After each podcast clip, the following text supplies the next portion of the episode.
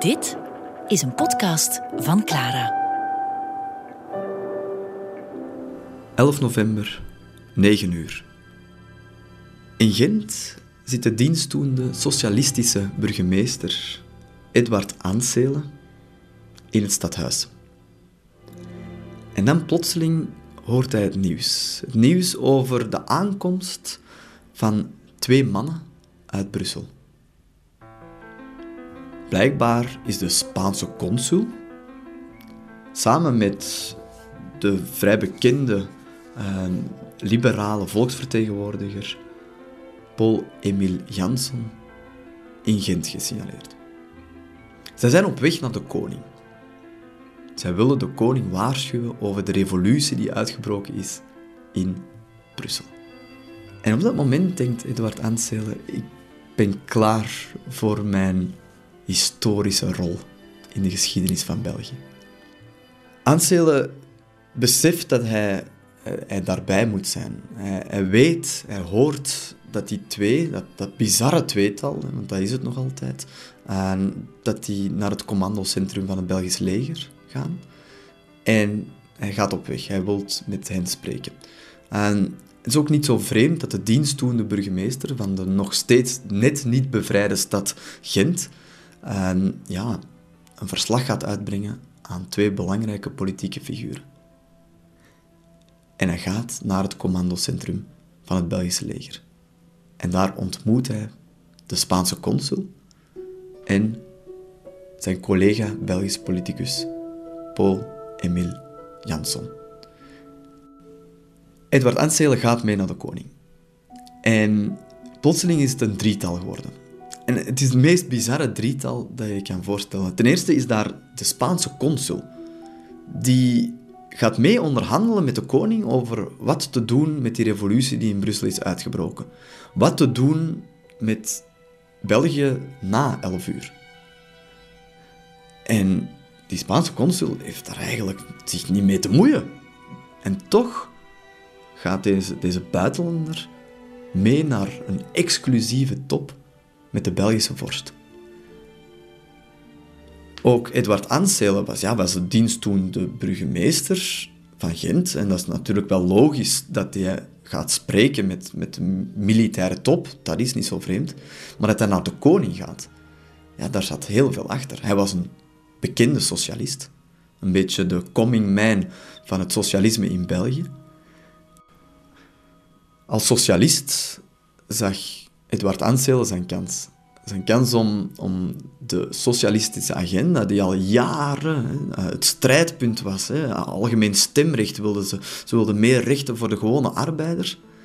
En nu kon hij mee naar de koning en hij wist dat daar, in, in het kasteel van Loppen, waar de koning was op dat moment, daar zou de toekomst van België worden besproken. Het drietal zal na 11 uur uiteindelijk aankomen in Loppen, in het kasteel van Loppen, waar de koning verblijft op dat moment. En ze gaan daar inderdaad vergaderen over de toekomst van België. En ze nemen ook al meteen, die 11 november, beslissingen. Ze nemen de beslissing om het algemeen enkelvoudig stemrecht in te voeren. Eh, burgemeester Edward Anselen waarschuwt de koning dat als hij geen stemrecht geeft aan de ja, bevolking die zo hard had afgezien tijdens die oorlog, dat er ja, inderdaad een revolutie zou kunnen ontstaan in België. Dus in dat kasteel worden allerlei beslissingen genomen. Beslissingen over de toekomst van België, die helemaal niet democratisch doorgepraat zijn. Er komt een regering onder leiding van Delacroix, en die regering is helemaal niet democratisch verkozen. De verkiezingen worden uitgesteld naar een jaar na de wapenstilstand. Pas in november 1919, met algemeen stemrecht, zullen verkiezingen gedaan worden. Nu, die gebeurtenissen in Loppen zijn na de Eerste Wereldoorlog bekend geworden als de staatsgreep van Loppen. Een, een soort ondemocratische greep naar de macht van niet alleen de koning, maar ook van die socialist. Die Edward Anselen, die daar ja, de socialistische eisen doordrukt zonder een parlement, zonder een regering zonder bevolking te raadplegen. En vooral van extreemrechtse hoek wordt er na de oorlog nog jarenlang ja, verweten dat de koning daar een staatsgreep heeft gepleegd. Het is twintig over negen en we zijn in IJsden.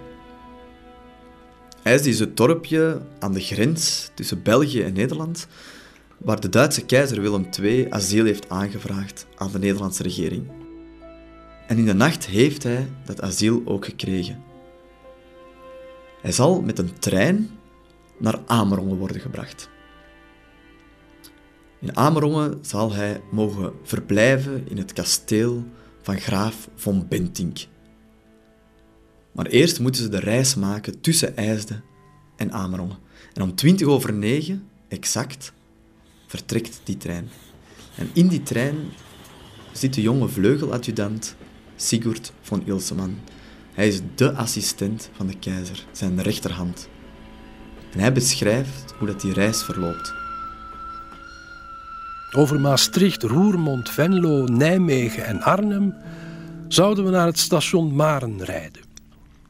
In zijn toestand van innerlijke opwinding wilde de keizer niet alleen zijn.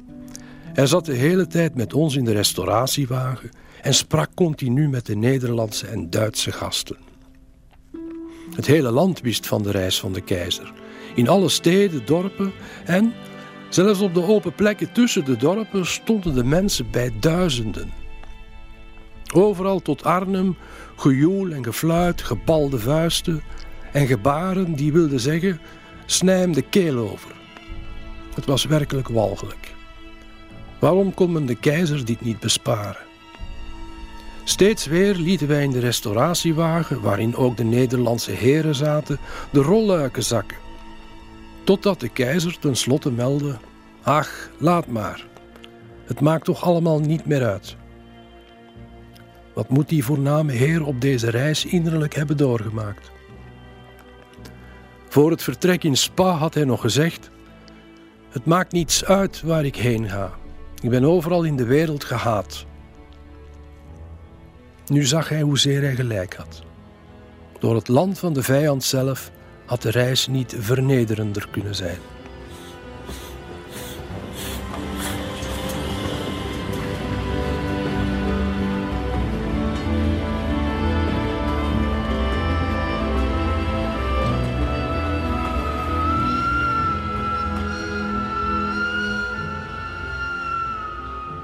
Een heel ander beeld over die treinreis schetst Jan Kan. Hij was een van de Nederlandse vertegenwoordigers van de regering die de opdracht had gekregen om de Duitse keizer eerst te ontvangen en dan te begeleiden naar zijn plaats waar hij de komende jaren zal verblijven. Hij schetst hoe dat de keizer inderdaad bij hen mee in de restauratiewagon zitten en dat ze samen dineren. En hoe de keizer onophoudelijk aan het praten is. En heel de tijd lijkt te motiveren waarom dat hij daar is, waarom dat hij asiel heeft aangevraagd en vooral hoe dat oorlog is ontstaan. En dat zijn rol in heel die oorlog minimaal was. De keizer begint het ene na het andere argument boven te halen, waaruit zou blijken dat hij heel geliefd zou zijn. Ook bij de Belgen. En als je weet dat de Belgen ja, vier jaar lang zware bezittingen hebben doorgemaakt en dat in België de keizer, dat Willem II, dat dat eigenlijk het symbool was van die jarenlange onderdrukking. En als je dan via Jan Kan te horen krijgt wat die keizer daar beweert, dat hij hout is gaan hakken voor een heel Belgisch dorp. Ja, nu, hout hakken was een beetje de hobby van de keizer. Hij vond dat ongelooflijk fijn. En misschien in de herinnering van de keizer heeft hij dat ook gedaan. Eh, wie weet, heeft de keizer zelfs hout gehakt. En hebben zijn officieren gezegd, ja zie, de Belgen zijn er heel blij om. Maar die keizer die zit daar in die trein en die lijkt daar nog altijd in een bubbel te leven. In een bubbel te leven dat zijn, zijn soldaten nog altijd voor hem willen vechten. In een bubbel te leven dat hij nog altijd de vorst is van het grote Duitse keizerrijk. En Jan Kan vertelt achteraf hoe dat die keizer maar blijft doordraven over zijn onschuld in heel deze oorlog. De keizer bediende zelf uit grote schotels het ganse gezelschap en nodigde uit: Kinder, gib toch eure teller. Zijn majesteit praatte voortdurend opgewekt over politieke en particuliere zaken, alles door elkaar. Hij hechtte er blijkbaar zeer aan ons duidelijk te maken dat hem niet de minste schuld aan de oorlog trof. Toen de keizer struikelde omdat de trein een scherpe bocht maakte, gebeurde iets wat ik nooit zou vergeten. Een knoop van zijn uniform bleef haken aan mijn horlogeketting. Het duurde vrij lang voor ik hem had bevrijd. De keizer bood lachend zijn verontschuldigingen aan. Opgewekt deed hij de ene na de andere anekdote uit de doeken. Hij gaf ons een opsomming van alle feiten die zijn keizerlijke onschuld zouden moeten aantonen. Dat hij tijdens een jachtvaart bijna door de Engelse krijgsgevangen was genomen. Zo weinig was hij op de oorlog bedacht. Hij meende zich te herinneren dat hij persoonlijk telegrammen had gestuurd aan de tsaar, die erop wezen dat als Rusland mobiliseerde, Duitsland desgelijks moest doen. Maar de Russische vorst was volgens de keizer zijn neef trouwens, door zijn eigen generaal verraden. De generaal kwam met een collega overeen de tsaar wijs te maken dat de mobilisatie niet meer ongedaan kon gemaakt worden. De keizer bleek ten zeerste te hechten aan deze argumenten. Herhaaldelijk vroeg hij ons of wij niet beseften dat hij niet meer die enorm zware verantwoordelijkheid van de oorlog op zich zou hebben genomen. Alleen toen hij vertelde over zijn modeldorp in Oost-Pruisen, dat hij zelf had ingericht en wellicht niet meer zou weerzien, kreeg hij de tranen in de ogen.